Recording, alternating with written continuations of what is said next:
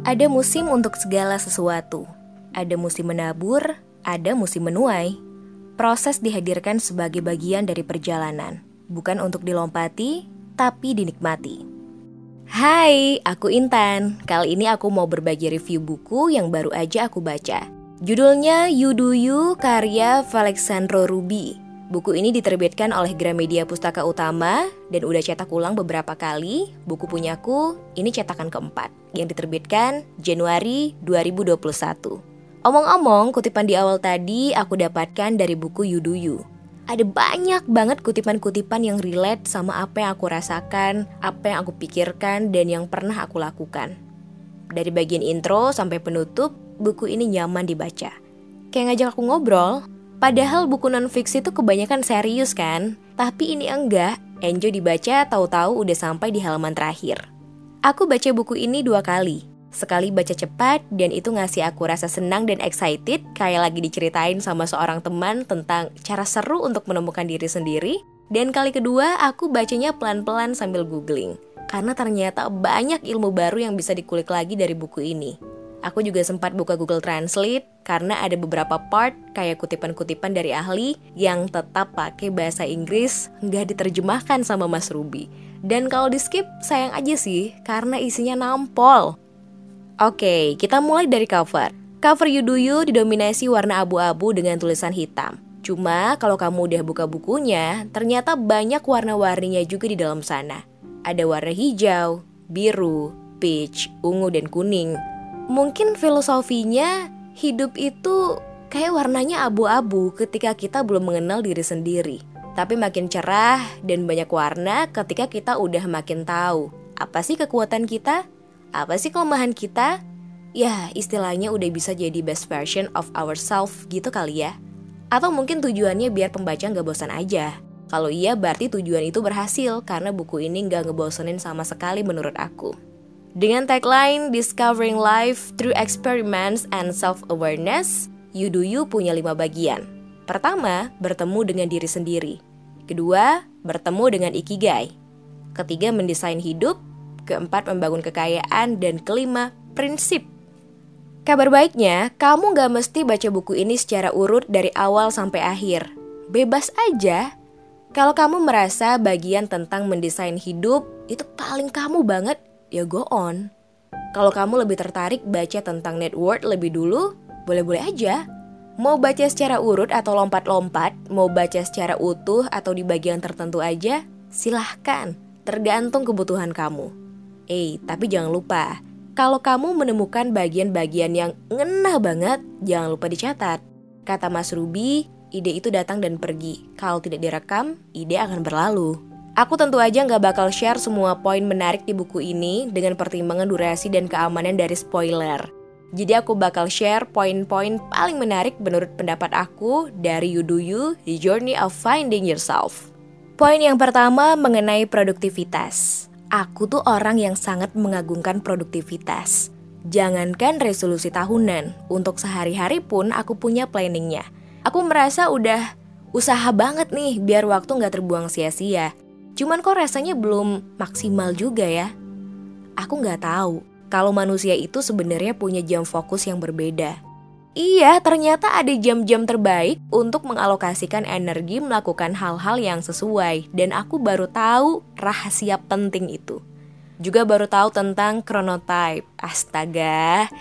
Jadi wajar aja selama ini planning aku udah manis banget, cuman di jam-jam itu aku kayak udah lemes duluan, energinya udah kesedot duluan. Aku cari tahu lebih dalam lagi mengenai tipe pola tidur dan nggak denial lagi. Kalau aku memang tipikal yang butuh tidur lebih cepat, bangun lebih awal, dan itu nggak bisa dibalik karena jatuhnya nanti malah nggak produktif, udah lemes duluan.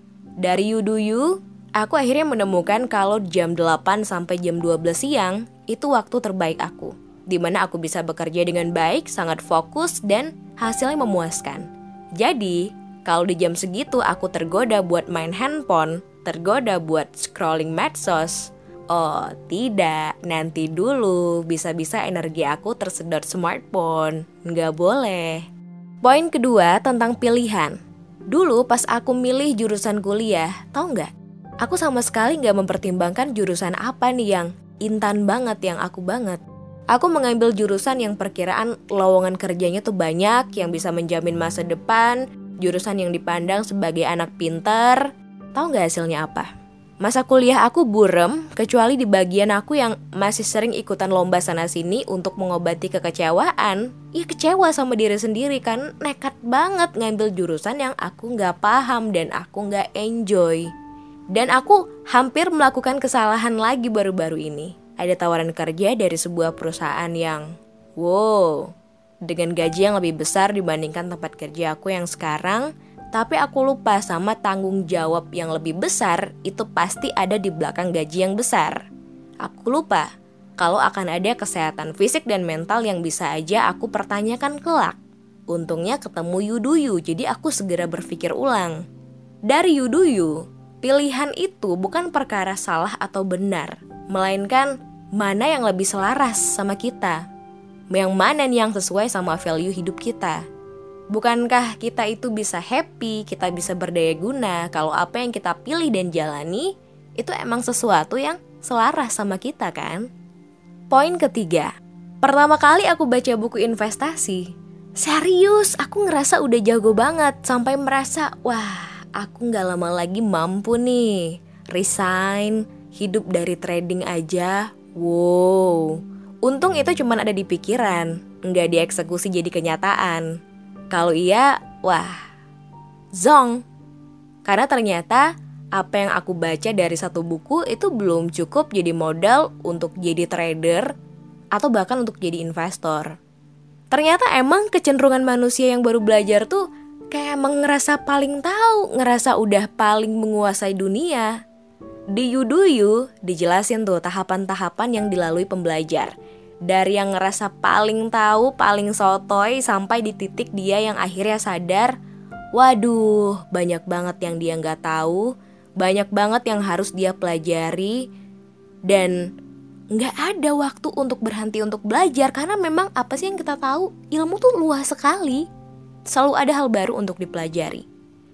Jadi poinnya kalau dari Mas Ruby di salah satu bagian di Yudu Yu ini terus belajar hal baru skill baru, lihat dunia lagi mengarah ke mana. Baru belajar dikit udah jumawa, wah mau jadi apa? Lalu poin keempat yang juga sangat menarik buat aku tentang reverse engineer karir. Proses mendekonstruksi pembuatan sebuah produk menjadi komponen-komponen kecil yang mudah direka ulang. Aku langsung mikir, wah iya juga ya Misalnya nih, aku pengen jadi financial planner yang punya sertifikasi resmi. Nah, aku bisa dong harusnya belajar dari jejak para financial planner yang lebih senior. Mereka mulainya kayak gimana, harus ngapain, biar dapat sertifikasi harus melewati apa aja. Dan sebenarnya, kalau mau googling atau mau nonton YouTube, basic skill tuh ada di sana. Yang penting kita emang mau belajar. Dan poinnya adalah Kumpulkan skill yang bernilai tinggi, bangun network, sama audiens, dukung dengan kesehatan mental dan fisik yang baik.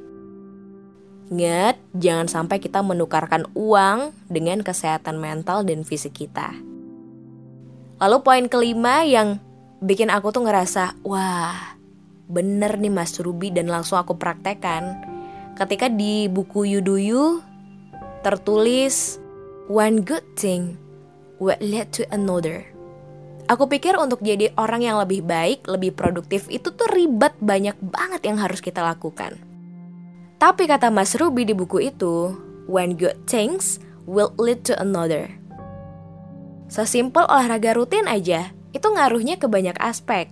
Badan lebih bugar, pikiran lebih fresh, dampaknya ke kerjaan juga kita bakal lebih enak ngerjainnya.